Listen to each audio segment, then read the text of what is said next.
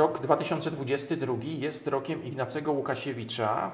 Yy, Jednym z takich wpisujących się wydarzeń, wpisujących się w, w rok Łukasiewicza jest książka wydana przez kilkoro cenionych badaczy, naukowców, pisarzy yy, o Ignacym Łukasiewiczu o tytule Ignacy Łukasiewicz Prometeusz na ludzką miarę.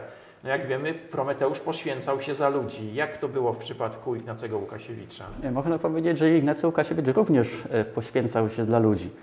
E, Ignacy Łukasiewicz, e, inwestując w przemysł naftowy swoje zdolności umiejętności, mając partnerów biznesowych w postaci Tytusa Cieczeskiego czy Karola Klobasy, mógł zostać człowiekiem bardzo bogatym i nie zwracać uwagi na potrzeby lokalnej społeczności.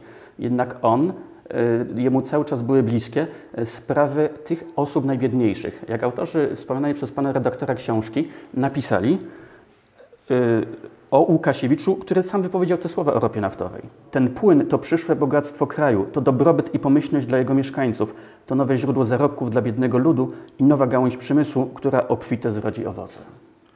No, to się może w przypadku Galicji nie do końca spełniło, ale są miejsca, gdzie, gdzie rzeczywiście ten płyn, czyli ropa naftowa, przyniosły, przyniosły bogactwo. Na czym polegał ten zmysł przedsiębiorczości, ale też tej przedsiębiorczości społecznej, e, jakbyśmy teraz powiedzieli, Łukasiewicza, ta jego działalność filantropijna, wspomaganie właśnie tych e, najbiedniejszych? E, Ignacy Łukasiewicz na przykład e, był twórcą gminnych kas, gdzie e, wspomagał w ten sposób rolników.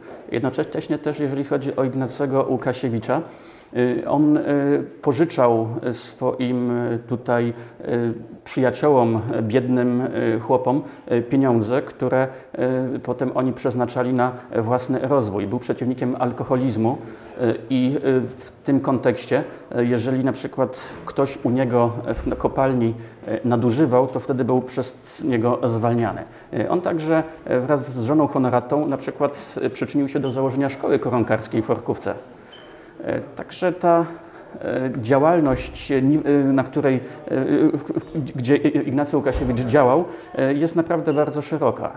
Zajmował się też działalnością y, polityczną, zarówno jako konspirator w czasach młodości y, przeciw, walczący z zaborcami, jak i później jako poseł do już y, Rady Państwa, oficjalny polityk. Tak, e, tutaj 24 października dokładnie 1876 roku e, został wybrany e, tutaj na poziomie gmin wiejskich z okręgu Krosno-Dukla-Żmigród na posła czwartej kadencji Sejmu Krajowego w Lwowie.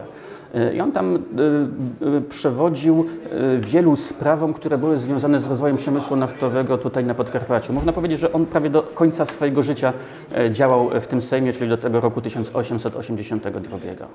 Dziękujemy bardzo. Dziękuję bardzo.